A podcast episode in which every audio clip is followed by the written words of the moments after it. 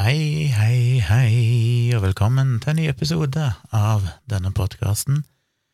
Det er en uke siden sist, fordi vi har hatt en liten høstferie, og som vanlig så er det liksom ingen måte jeg kan varsle dere om det på. Jeg hadde vel en slags plan om å kanskje spille inn en episode før vi reiste, men det rakk vi ikke. Jeg hadde vel òg en plan om å spille inn en episode av Virkelig grusomt før vi reiste, men det rakk vi heller ikke men der kunne vi iallfall poste på eh, Facebook-sida til Virkelig grusomt og si at det ble en liten høstferie. Selv om det er noe selvfølgelig ikke ut til alle, for det er langt ifra alle som følger Facebook-sida. Så sånn er det av og til. Hvis, eh, hvis ikke episoden dukker opp, så er det som regel bare det at av en eller annen grunn så fikk jeg ikke mulighet til å spille inn. Det skjer ikke så ofte, men det skjer av og til.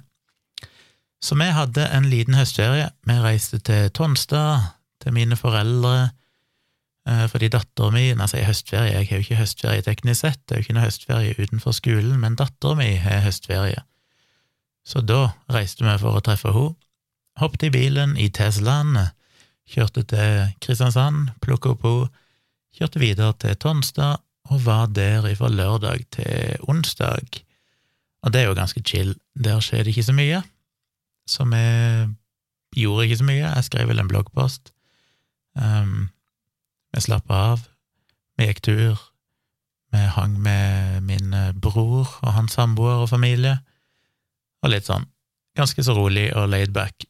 Og så eh, kjørte vi tilbake igjen på onsdag. Og det som var litt deilig med denne turen, for det er jo en lang tur, det er jo en eh, mellom seks, ja, litt over seks timers kjøretur hvis du kjører sammenhengende.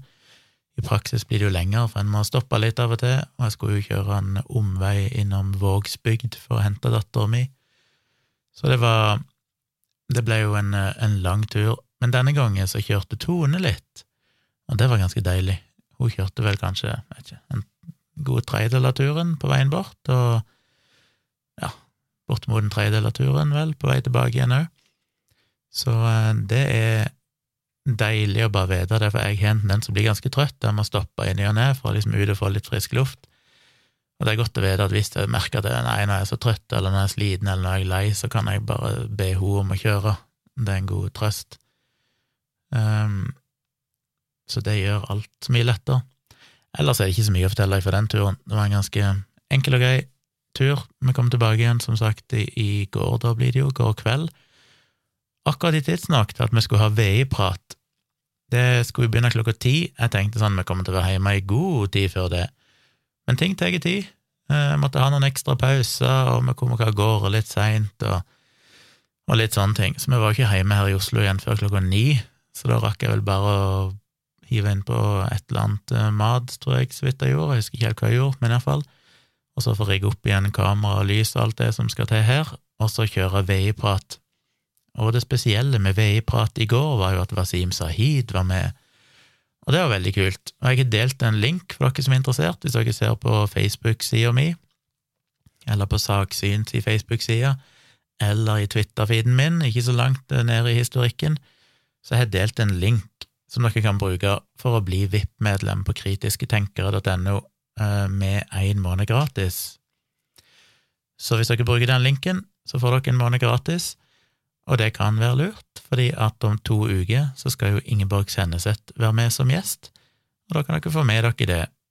Og hvis dere er vrange og ikke vil fortsette å støtte det arbeidet jeg driver med, og støtte forumet, så kan dere jo kansellere og få det hele greia gratis, men det er jo hyggelig om dere ønsker å fortsette som VIP-medlem, da. Men det var veldig kult med Wasim i går. Vi var jo en, vi var flere enn det vi pleier å være, inne på Zoom, og det ble en hyggelig prat. Brukte rundt en time. Snakka litt om ja, både det Wasim driver med, med YouTube og folkeopplysning i sosiale medier og sånn. Um, Fordel og ulempe med forskjellige typer sosiale medier og sånn. Men vi snakket òg om litt mer dyptpløyende ting rundt det med kritisk tenking og utviklingen i samfunnet og litt sånne ting. Så det var kult. Og neste gang er det Ingeborg, så jeg håper dere har lyst til å være med på det. Bare grav fram denne linken, så får dere en måned gratis inne på kritisketenkere.no. Jeg håper jeg ser enda flere neste gang. Jeg tror Wasim snakket om han skulle prøve å snike seg med når Ingeborg er der òg, så kanskje begge to er der neste gang. Det er jo kult. Ellers så eh, Jeg går jo alltid litt i surr med hva jeg har gjort når. jeg har skrevet en bloggpost, og den skrev jeg vel eh, etter at jeg hadde forrige episode, men det er jo en podkast som basically er basert på det jeg snakket om i forrige episode, nemlig dette med hvordan det har gått med Afrika under covid-pandemien. Og den ligger altså på tjomli.com, så jeg håper dere har lyst til å gå inn og lese den. Der har jeg jo konkretisert litt mer de poengene jeg snakket om i forrige episode, med kilder og alt mulig sånn, og formulert meg formeligvis bedre i tekst enn det jeg gjør eh, muntlig. Så jeg får en del flere kilder, flere mer dokumentasjon på påstandene mine. Så den håper jeg dere vil lese. Den fikk en del visninger, så vidt jeg eh, har fått med meg. Virker som at den eh, spredde seg relativt godt. Ja, ikke så mye mer å si om den, egentlig. Men i tillegg så skrev jeg jo en tweet, og den fikk jo mer oppmerksomhet enn det jeg hadde trodd. Jeg vet ikke om jeg finner igjen den tweeten, den ligger nede i feeden min her et eller annet sted, men jeg lagde en liten Twitter-tråd der jeg basically eh, Jo, der, ja. Jeg skrev på søndag, så skrev jeg jeg har blitt spurt hvorfor jeg publiserer tilsvar i min blogg heller enn i avisen slash tidsskriftet hvor artikkelen jeg kritiserer, ble publisert. Svaret er enkelt, I'm not playing that game. Og så er jeg en tråd der jeg forklarer litt, og den fikk masse likes og retweets og sånn. Og utgangspunktet for at jeg skrev det, var faktisk at jeg delte den, den eh, Afrika-bloggposten på kritisketenkere.no, fordi det var jo et tilsvar til den artikkelen som en dude hadde skrevet i dette tidsskriftet som heter Subjekt, der han vel basically argumenterte for at det var bare godhetsposering å ville gi boosterdosene til Afrika, fordi egentlig så var det jo ikke så ille med covid i Afrika og sånn, de klarte seg bra der, og det var ikke mulig å få vaksinert alle uansett, og bla, bla, bla. Så jeg skrev i den bloggposten som tilsvarte det, og så posta jeg link til bloggposten inne på kritisketenker.no, og så var det en som kommenterte og sa at uh, subjekt er jo veldig høy takhøyde for forskjellige meninger, så hvorfor sendte jeg ikke inn svaret mitt der heller? Og da svarte jeg han veldig kort, uten å ha tenkt så veldig mye på det akkurat der og da, at uh, jo, grunnen er det at jeg mener jo at aviser ofte slipper igjennom, eller har litt for dårlig faktasjekk på spesielt debattinnlegg og sånn som kommer på trykk, og at eh, mye av grunnen til det er at eh, det skaper debatt. De liker sterke meninger som kan skape debatt, og hvis jeg da sender mitt tilsvar til deg, så belønner jeg jo egentlig avisen for den, den måten å oppføre seg på, den strategien, i den grad det er en strategi fordi de ønsker jo å provosere, de ønsker at de skal komme med motinnlegg og sånn, og hvis jeg sender tilbake igjen til de da, så belønner jeg på en måte det. Det er kanskje litt sånn stabbeisaktig å ha den innstillinga, kanskje jeg er litt vrang, men jeg irriterer meg over det, og det er nå mitt standpunkt. Så jeg skrev, etter jeg hadde svart han inne på Kritiske tenkere, så tenkte jeg at uh, jeg må redegjøre litt mer for det, så jeg skrev det som en liten Twitter-tråd. Og den fikk jo overraskende, som sagt, mye positiv tilbakemelding. Jeg fikk bare én journalist som gikk i forsvar, det var en Nettavisen-journalist, som, eh, som, de jo alltid gjør, ender opp med å på en måte si at nei, men dette er ikke rett, det er ikke sånn det fungerer. Og jeg, mener jo ikke at det bare er sånn det fungerer, jeg har jo veldig stor respekt for pressen og norsk eh, journalistikk generelt sett, og skjønner at de, dette er ikke liksom bare klikkjournalistikk, det er ikke sånn at de bare driver med klikkhoreri. Eh, enkelte aviser er jo verre enn andre der, Kremt Dagblad. Men eh, mange av de store og gode avisene er jo ikke sånn. De fokuserer jo i aller høyeste grad på at det skal være kvalitetsjournalistikk, det skal være faktasjekka, osv., osv. Men så er det jo det med debattinnlegg, for jeg mener jo at de gjør en god jobb veldig ofte, men at det er en del innlegg som slipper igjennom som kanskje burde vært faktasjekka bedre. Og så er vel kanskje så er det klart det, det blir alltid gråsone, for hva er det som er sant? Noen vil jo hevde at ja, men det er jo forskjellige måter å se dette på, det er forskjellige meninger. Og det er det jo. I en betydelig andel av alle debattinnlegg så er det ikke noen, nødvendigvis noe fasitsvar. Det kan være viktige argumenter på begge sider av saken. Men det jeg reagerer på, er jo de sakene som ofte handler om helse eller uh, statistikk eller uh, vaksiner, pandemi, der det har sluppet gjennom ting som er demonstrativt feil. Og jeg skjønner at for å vite at det er feil, så må du følge ganske mye med. Du må følge med i debattene, du må følge med på Twitter, du må følge forskere i hele verden som på en måte reagerer på de her tingene og opplyser, og generelt sett kan jeg ikke forvente at noen gjør det. Så jeg skjønner jo at det slipper igjennom, men det var det som jeg sa i forrige, at jeg skulle nesten ønske det var en slags fagkveldvurdering, at det, de sendte sånt ut til folk som hadde litt peiling. Um, bare lese en melding jeg fikk her i full fart. Og det mm. Så jeg endte opp med å skrive den, og så fikk jeg ja, Det var en journalist som gikk i forsvar, men ellers var det jo en del journalister som jeg så lika og sånn, uten å komme med noen forsvarstale, og det gleder meg jo. Fordi det må jo gå an å, å ta den kritikken. Og så gikk det litt tid, og så ble jeg plutselig ringt opp av Media24, som hadde sett den tråden. Ehm, de stilte meg noen spørsmål. Jeg var akkurat på vei inn i bilen, vi skulle kjøre av gårde et eller annet sted, på butikken eller noe sånt, så jeg sto bare midt ute på veien og fikk en telefon, og så måtte jeg liksom bare rusle fram og tilbake på veien der mens jeg prøvde å snakke med han journalisten og følte meg ikke veldig forberedt. Så jeg ranta i vei om forskjellige ting. Det er jo alltid litt farlig, for at da artikkelen kom på trykk dagen etterpå, så hadde jeg ikke bedt om noe sitatsjekk eller noen ting, og da følte jeg jo sånn oi, shit, her er han jo sitert meg ordrett på ting som jeg egentlig bare mente som litt sånn eh, til journalisten sånn for at du skal skjønne hva jeg mener, kommentar, uten at det, nødvendigvis var et viktig poeng i seg sjøl. Litt sånn som jeg nevnte, for eksempel, at det, typ, det var, for han spurte vel òg hvorfor har du ikke, eller har du retta denne kritikken til redaksjonene sjøl, og så sa jeg det er jeg ikke, og en grunn til det er jo blant annet at jeg har kritisert mye i media tidligere, men jeg ender jo som regel alltid bare opp med at journalistene går totalt i forsvar, fordi det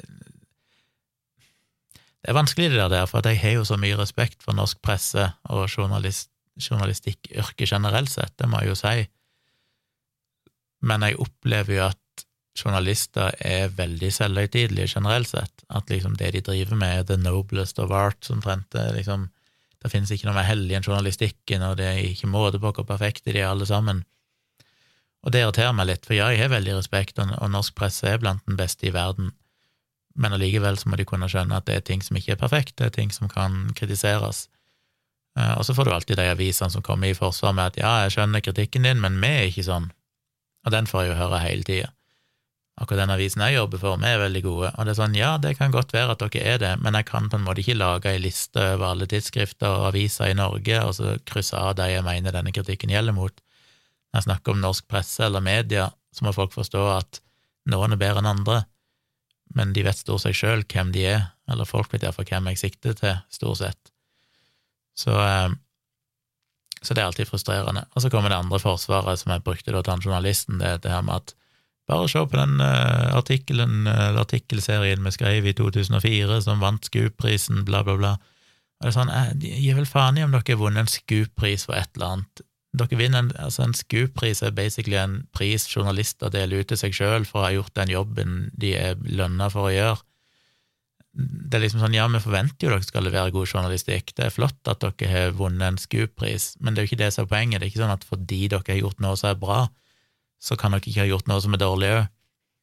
Så jeg nevnte det i en litt sånn flåsete slengbemerkning, og så blir jeg jo selvfølgelig sitert direkte på det i Media24, og da følte jeg jo jeg bare hørtes useriøs ut, på en måte, når det ble tatt sånn ut av konteksten.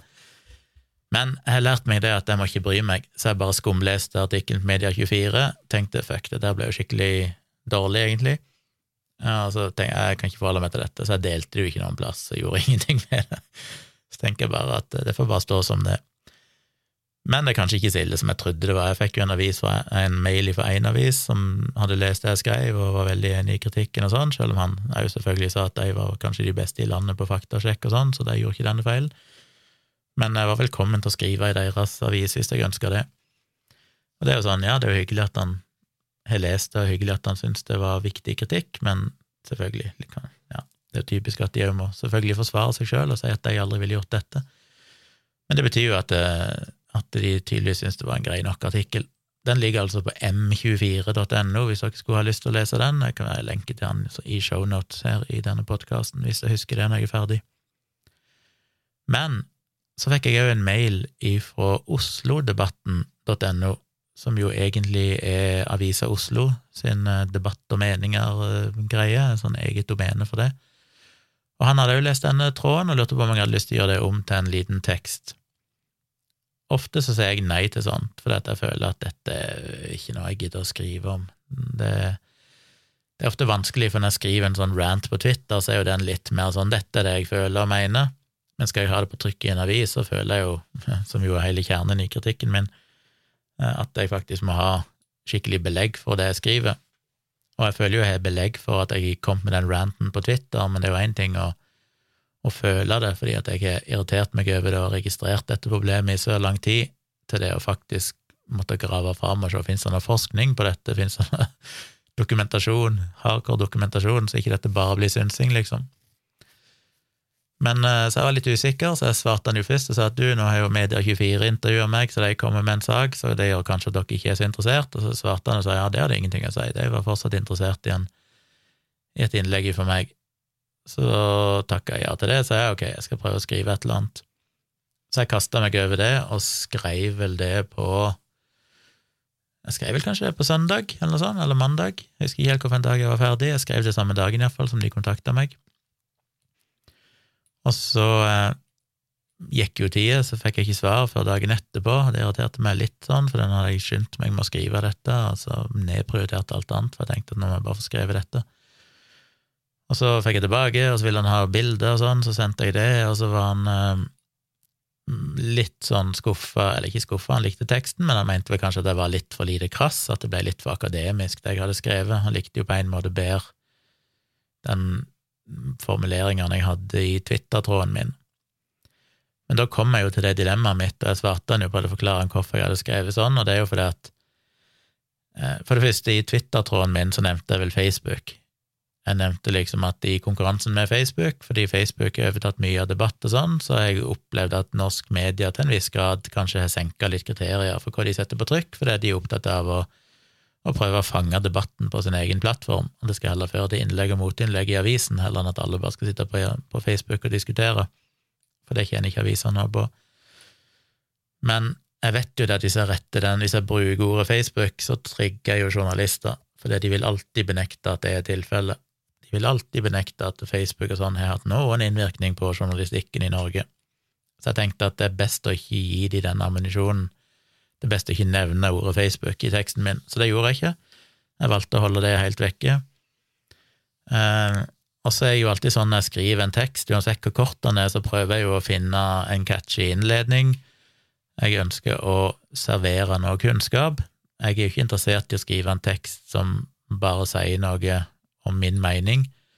Så jeg innleder jo med å på en måte understreke at dette, er jo, dette her med at ting som provoserer og overrasker, er jo noe som er utbredt i samfunnet, og da viste jeg jo til det som jeg snakker om mange ganger, og skrev om i håndboka Krisemaksimering, dette med at uh, innenfor vitenskapelig forskning så ser en jo at sånne tidlige studier med fantastiske og overraskende resultater, de får mye mer pressedekning enn seinere replikeringer som er mye bedre studier, og som i sånn 80% av tilfellene viser at den første studien faktisk var feil. Så de, de studiene som viser at dette egentlig ikke stemte likevel, de får jo veldig lite pressedekning.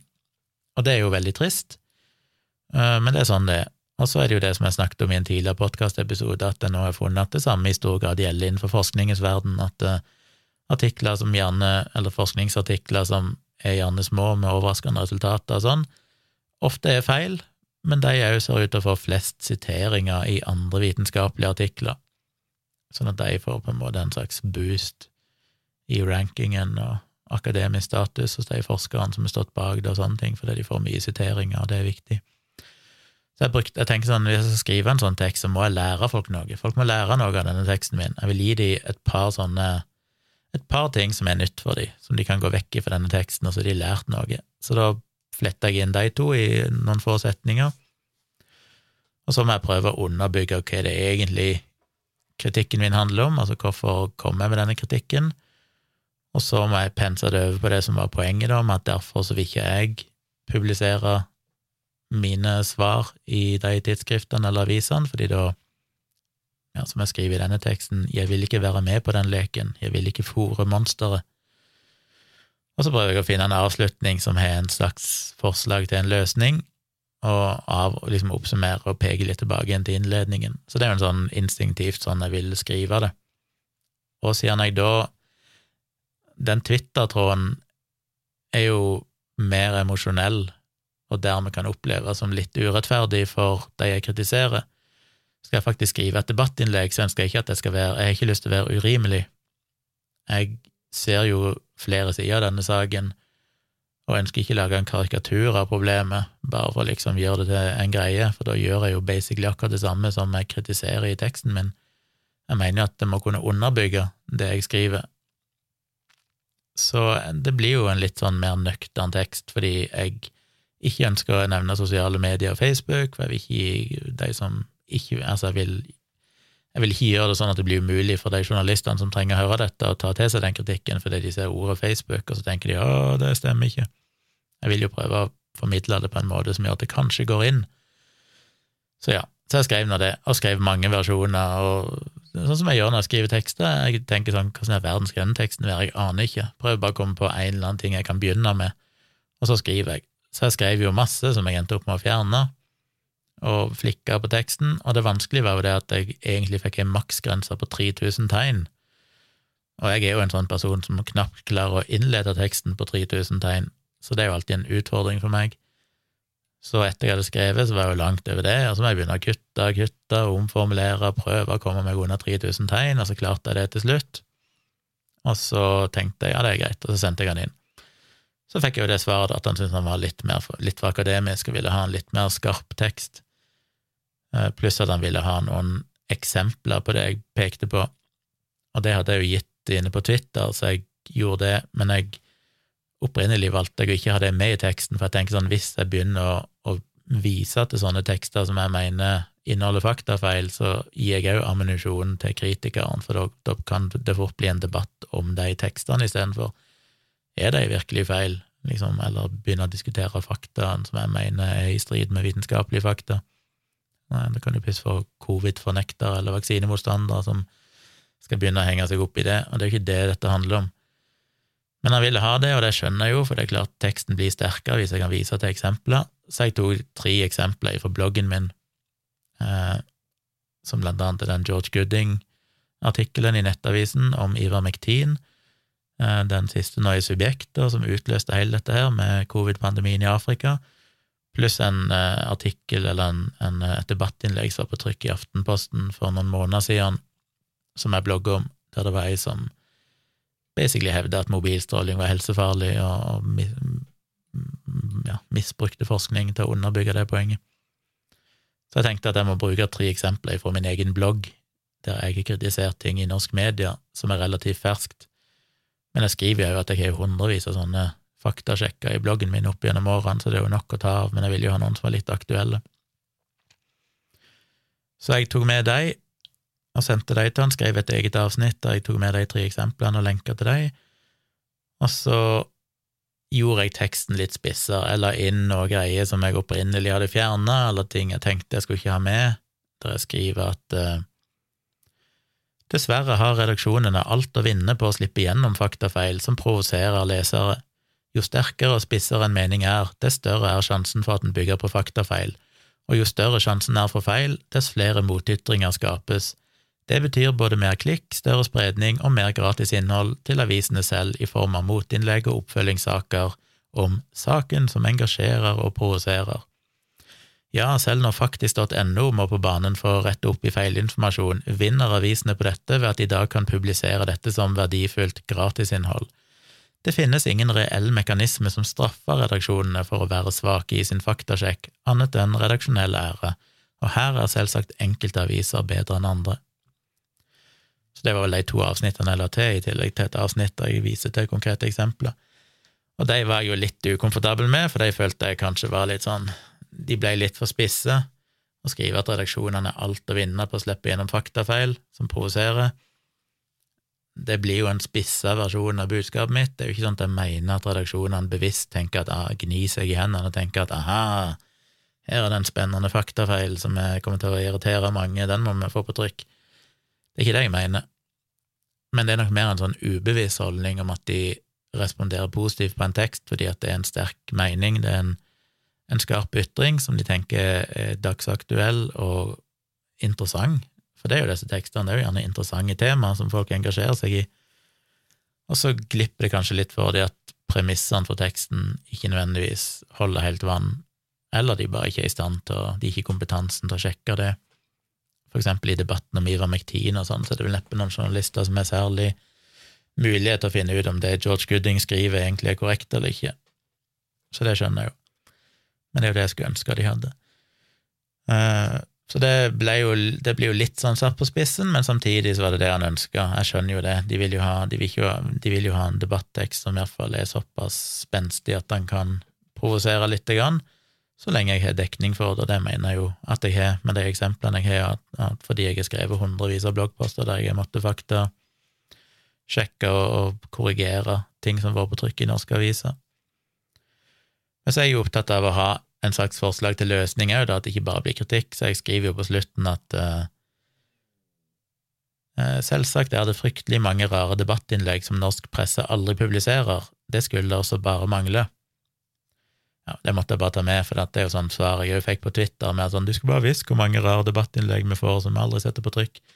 Men det er jo litt sånn, ja, selvfølgelig, det skulle jo bare mangle at ikke dere trykker alt, det er jo ikke det som er poenget, jeg sier ikke at dere slipper alt gjennom, jeg vet jo at en mikroskopisk andel av alle debattinnlegg som blir sendt inn til avisene hver dag, ender opp med å komme på trykk, for at det er ikke plass, og, og mange av de er ko-ko, og mange av de er dårlige og crazy, men, eh, men poenget er at av de som slipper igjennom, så er det fortsatt noen som kanskje burde vært stoppa.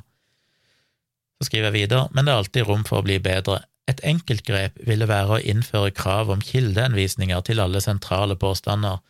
Da kan redaksjonen enklere fagfellevurdere tekstene før de publiseres, og debattinnlegget blir mer enn bare en synsete meningsytring som preker til koret. Og så måtte jeg provosere litt på slutten igjen. Kanskje pressen må innse at ikke alle sterke meninger er viktige, ikke alle skarpe penner bør vinne over redaksjonelle sverd, vi trenger derimot debattinnlegg som er så gjennomsyret av faktasjekk og kilder at de opplyser mer enn de engasjerer. Bare på den måten kan en åpen debatt være informativ og styrke demokratiet. Og Det er jo tilbakepekt til innledningen min, der jeg skriver at en åpen debatt er viktig for demokratiet. Men poenget mitt er at jeg viser til kildehenvisninger, og det var jo litt sånn en annen, en annen sånn kjepphest jeg har hatt lenge, som jeg tenkte den er jo fin å flette inn her, for den henger jo sammen, og det er en slags ting som ville ha løst dette problemet til en viss grad. Ironisk nok, det er jo to ironiske ting med hele denne, dette debattinnlegget mitt. Det ene er jo da at redaksjonen vil at jeg skal spisse den og gjøre den på grensa til det jeg føler jeg kan stå for, fordi ellers så syns de han blir for nøktern. Og det er jo akkurat det som er problemet, ikke sant? Spennende, spisse, sterke meninger er ting som har bedre spredning, og de når mer ut, selv om de kanskje oftere er feil. Og det er jo litt ironisk at det er det jeg blir bedt om å gjøre i en sånn tekst, som basically handler om det. Og jeg mener jo at jeg holdt meg innafor, jeg var veldig, veldig bevisst at jeg kan ikke skrive noe her som ikke jeg føler jeg er dekning for, og, men eh, men samtidig så blir jeg nok litt spissere enn det jeg kanskje ville vært helt komfortabel med. Og det andre er jo det at når jeg da skriver som en løsning på dette, er det med å ha med kildeanvisninger. Når, når, de da la ut teksten min første gang eh, tidligere i dag, så hadde de jo fjerna mange av lenkene mine.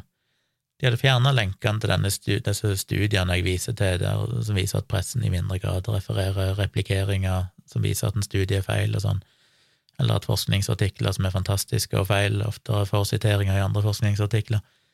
Og det tenker jeg det er jo helt sentralt når jeg kommer med sånne påstander, så må de jo lenke til studier eller artikler som viser at dette er tilfellet.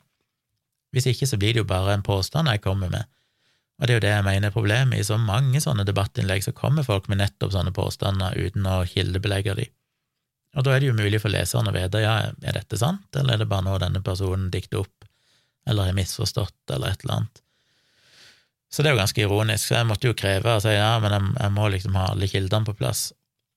Så han gjorde det, da oppdaterte artikkelen og la inn de lenkene.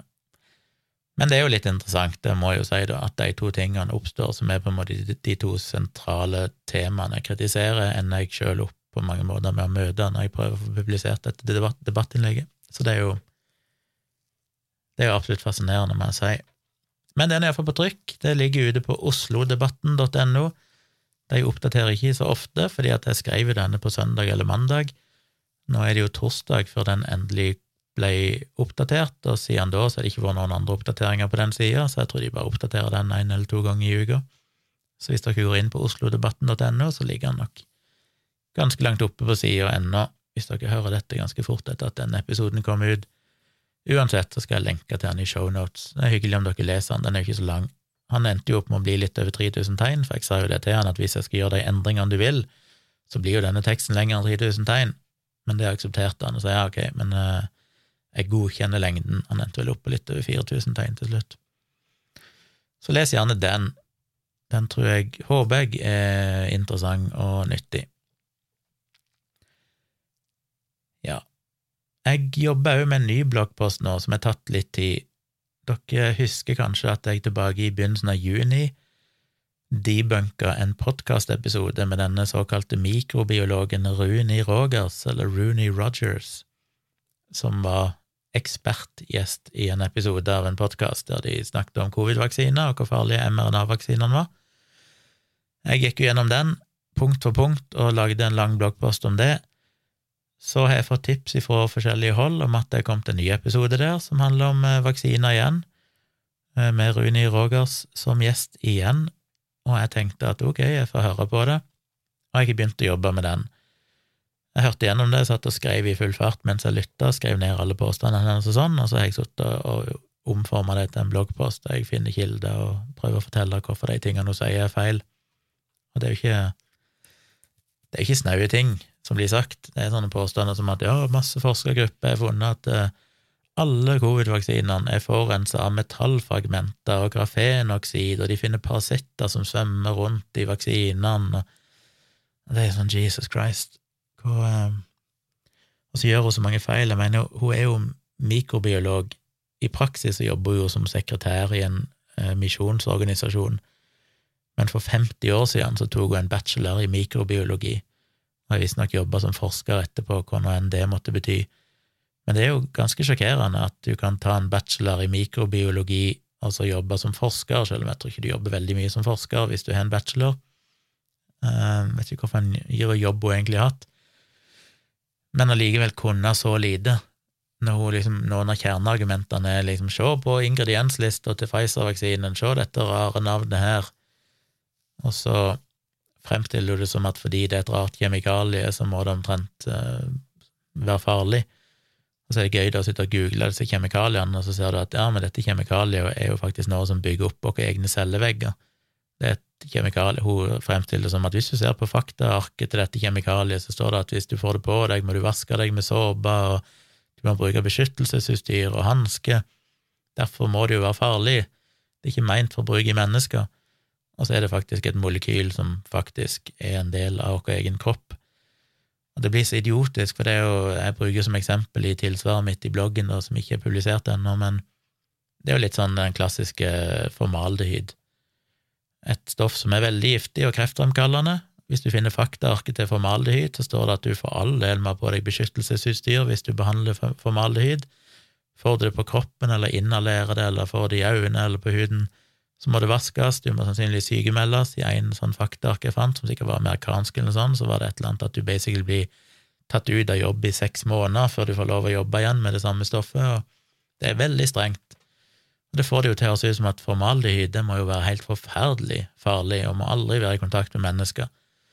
Og det er jo sant, i høye doser så er det jo kreftfremkallende, og det er giftig. Eh, forferdelig, og, og du bør ikke drikke et glass med formaldehyd.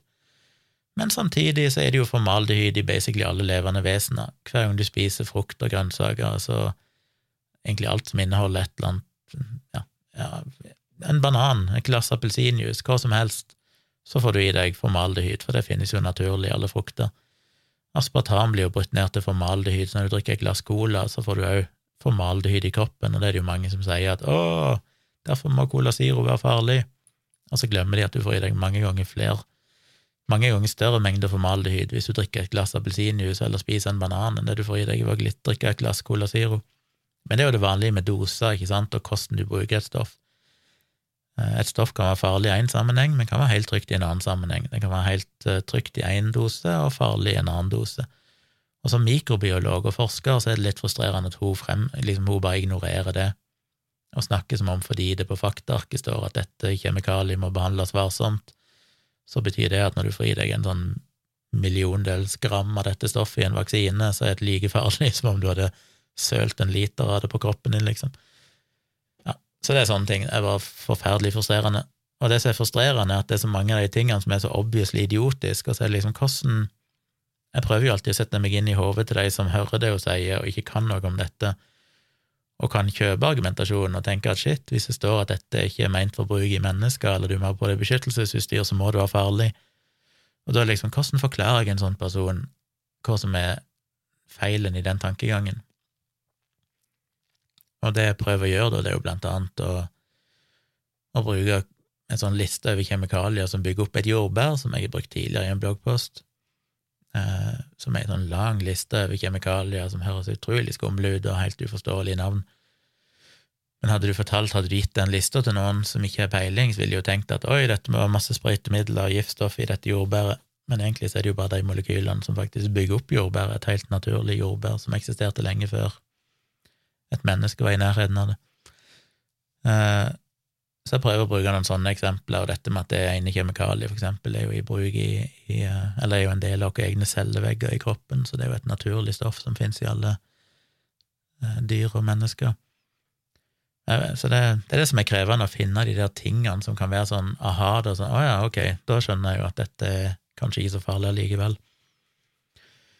Men det er jo en del ting som jeg sliter med å finne ut av, sånn som som jeg bare antar er korrekt, fordi jeg ikke er komplett idiot, og det går an å resonnere seg fram til ting, men det er vanskelig å finne det, for jeg har ikke funnet noen andre som har skrevet om det. For eksempel dette med at offisielt sett så har jo Pfizer elleve ingredienser, vel, som er publisert, og det er jo det vaksinen består av, det er disse elleve ingrediensene, som kort sagt er liksom vann, det er noen salter, det er noen sukkerarter, og det er fett pluss mRNA.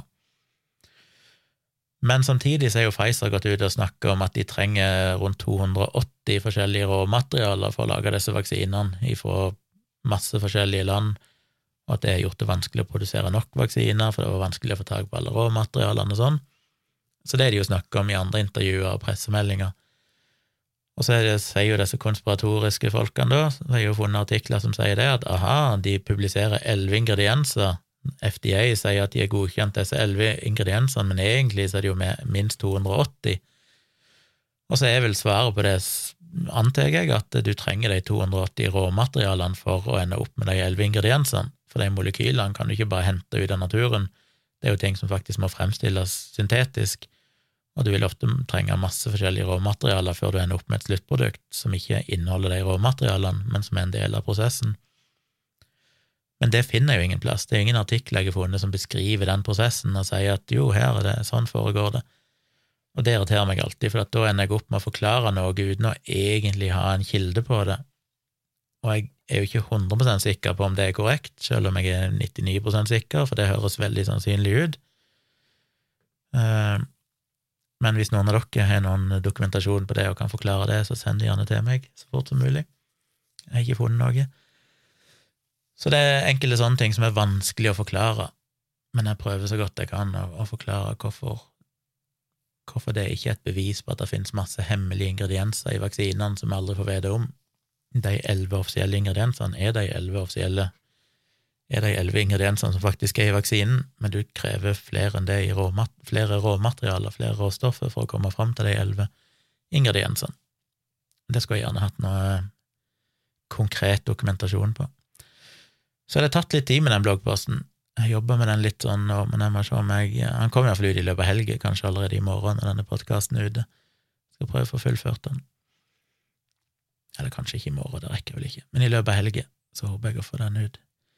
Så den kommer iallfall på bloggen min. Håper noen gidder å lese den, selv om man som vanlig blir litt nerdete. Det er jo, det er jo sånn jeg gjør mest for min egen del. Når jeg hører en sånn podkast, så må jeg bare liksom dykke ned i det og prøve å finne ut av det, og da kan jeg like godt skrive det og gjør det om til en bloggpost, for det er masse detaljer og ting jeg tenker kan være nyttig for meg å komme tilbake til seinere.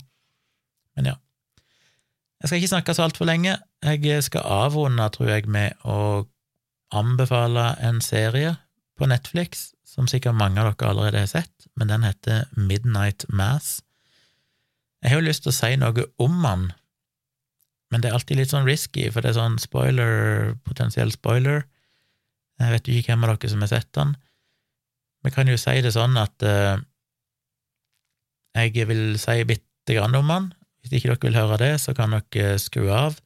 Men husk å eh, ja, husk at det kanskje blir en uh, ærlig talt i kveld, altså fredag kveld 8. oktober klokka 11 med meg og Tone inne på YouTube-kanalene våre og Facebook, så tune inn på det hvis dere vil være med på det. Det kommer en ny episode av Virkelig grusom på mandag, og så er jeg tilbake på tirsdag med en ny episode. Og så om to uker, da, den hva er det, 20. oktober, eller noe sånt, så blir det Ingeborg som er med på VI-prat inne på kritisketenkere.no. Så har jeg tatt reklamen, så da kan jeg snakke litt om eh, Midnight Mass, og så kan dere skru av hvis ikke dere vil ha noen spoilers. Da har alle forlatt meg som ikke vil høre spoilerne mine. Jeg vet ikke om jeg har noen spoilers engang, så kanskje jeg bare jager vekk masse folk nå uten at det var noe poeng i det. Men, uh, men en veldig, veldig bra serie, stort sett. Uh, den har vel hva, den hadde sju episoder, en merkelig tall. Jeg syns jo han var veldig bra, fram til kanskje de to siste episodene, som òg var bra, men som kanskje Nei, jeg vet ikke om de skuffa meg. Altså, jeg likte de, Eh, det er noen jeg har sett på Twitter sånn, som mener at den rakna fullstendig i noe sånn amerikansk pretensiøst, selvforherligende drit. Jeg syns jo ikke det. Jeg syns jo det beste med Altså, det er jo på en måte en skrekkserie, eller en horrorserie, som egentlig ikke er skummel i det hele tatt, så det blir jo helt feil.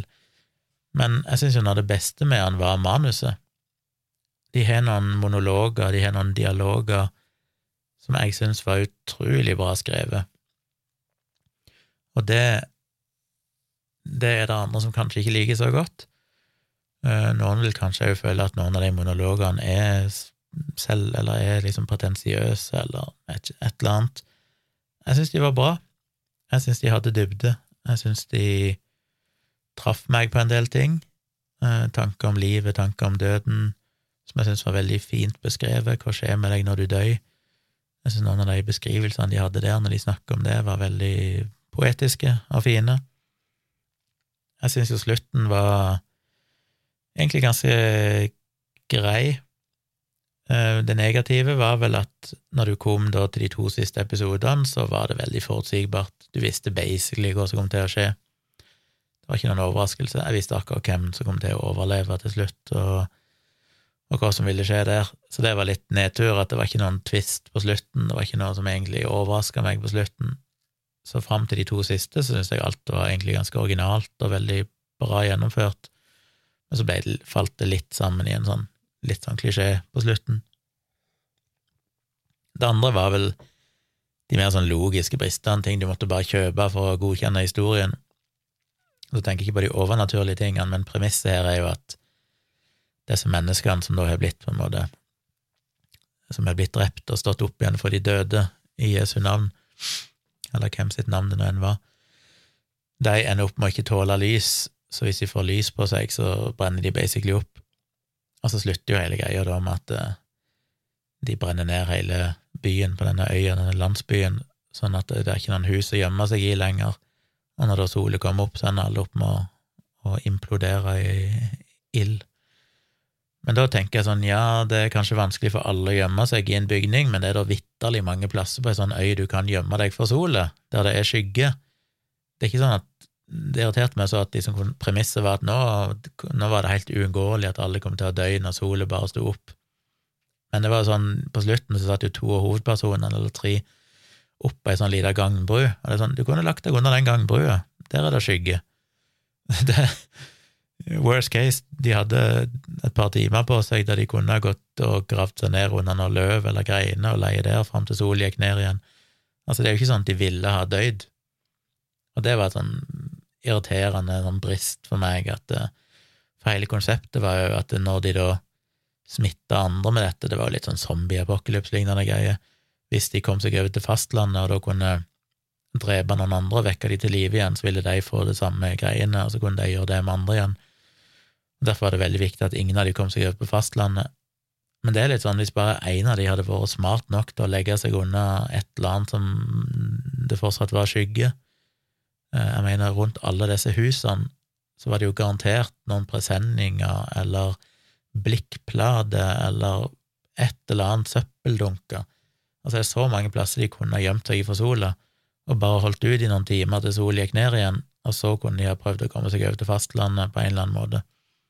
Eh, ringt etter hjelp og fått politiet til å komme og så angripe deg, et eller annet. Altså, det er mange scenarioer som kunne løst dette her, men istedenfor var det bare sånn å ja, når alle husene brent ned, da er det jo selvfølgelig ingen måte å unngå solet på, for det eneste plassen du kan unngå solet, det er hvis du står inne i et hus, og det irriterte meg litt. Men det er jo sånn jeg får bare ta med. Det er sånn, ja, ok, det var et premiss du måtte kjøpe, da, at det var liksom eneste løsningen når de fucka det opp for seg sjøl.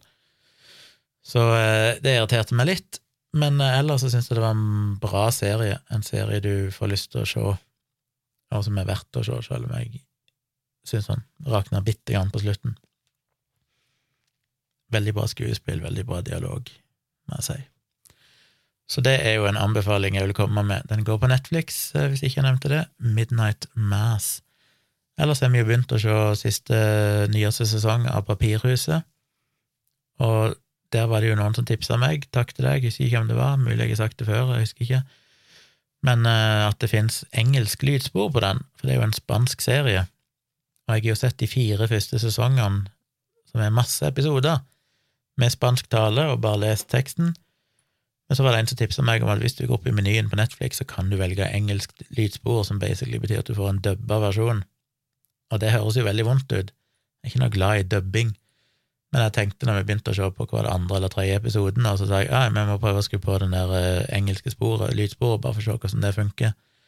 Så så vi noen minutter med det, og så stoppa jeg, og så spurte jeg Tone hva syns du, er det bedre, liksom? Og så var det litt ett vett for henne, og så tenkte jeg ja, på en måte så savner jeg litt å høre stemmene deres, og høre de sier puta og kahonas, kahonas, og alt dette her som de kommer med hele tida. Så jeg gikk tilbake igjen til spansk. Men etter å ha hatt på engelsk da i noen minutter, når jeg da gikk tilbake til spansk, så var det litt sånn ah, fuck, dette var slitsomt. Nå må jeg lese teksten hele tida. Så jeg endte opp med å gå tilbake igjen til engelsk, og vi så faktisk videre på engelsk. Og jeg venter meg til det etter hvert, og det er egentlig mer avslappende å se, selv om det er litt irriterende når du har sett fire sesonger allerede og kjenner stemmene deres og sånn.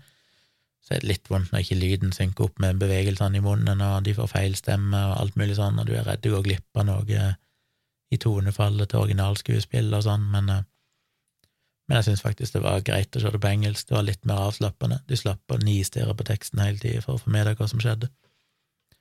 Så det er jo et tips til videre til dere. En serie jeg ikke har veldig lyst til å se, er jo denne her Squid Game, som jo alle har sett, tydeligvis, og som vel nå er blitt den uh, mest sette serien på Netflix i historien, eller noe sånt. Så da tenker jeg ok, vi må se den. Den er vel eh, sørkoreansk, eh, og der kan en vel òg velge mellom dubbing, da, eller lese tekst. Så der må en òg ta en avgjørelse hva en skal gjøre. Det kan jo være at jeg nå tenker at nå skal jeg bare se engelskdubba versjoner. Men eh, å høre hva dere syns, jeg vet det har vært litt delte meninger i hvilken grad det er viktig å se den på originalspråket eller ikke. Så hvis noen av dere har sett den og mener det er gode grunner til å se den på originalspråket uten ikke ikke fordi dere sjøl personlig syns det er slitsomt å, se eller høre det dubba, men er det noen sånn grunner til å se det på originalspråket som har med selve innholdet å gjøre, altså i forståelsen av historien eller det som skjer, så gi meg gjerne tips om det, så må jeg kanskje se den på originalspråket. Eh, jeg vet ikke, Grunnen til at jeg spør, er at jeg plukker opp at det kanskje er noe der som er relevant, uten at jeg helt skjønner hvorfor, men eh, ja. Så den begynner vi jo på snart, men jeg har litt lite lyst til å begynne på den mens jeg fortsatt ser Papirhuset, for jeg har litt lyst til å bli ferdig med den, så ikke den opp bare begynner å se på andre ting, og så glemmer jeg vekk. For Papirhuset har jo vært en av de bedre seriene jeg har sett gjennom tidene. Nesten alle sesongene har vært veldig bra, og jeg har veldig lyst til å se videre og finne ut hvordan det går. Så, eh, så ja. Det var anbefalingene mine, og jeg har allerede kommet med frampek om hva som kommer av nye episoder og sånn. Som vanlig så er mailadressen min tompratpodkast at gmail.com. Fortsett å sende meg spørsmål og tips og tilbakemeldinger om alt mulig, så bruker jeg kanskje det i fremtidige episoder, eller iallfall leser det uansett. Det setter jeg veldig pris på. Og om eh, bare tre uker nå, så flytter vi jo til Vennesla, og da skal jeg få rigge opp nytt studio og alt dette her, da er jeg litt spent på om jeg klarer å få til noe mer produksjon av video og sånne ting på sikt. Så det får vi se.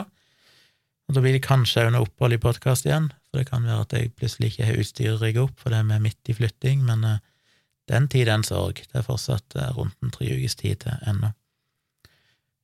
Ja, da hadde jeg ikke noe mer å si. Takk for at du hørte på. Jeg er tilbake igjen på tirsdag.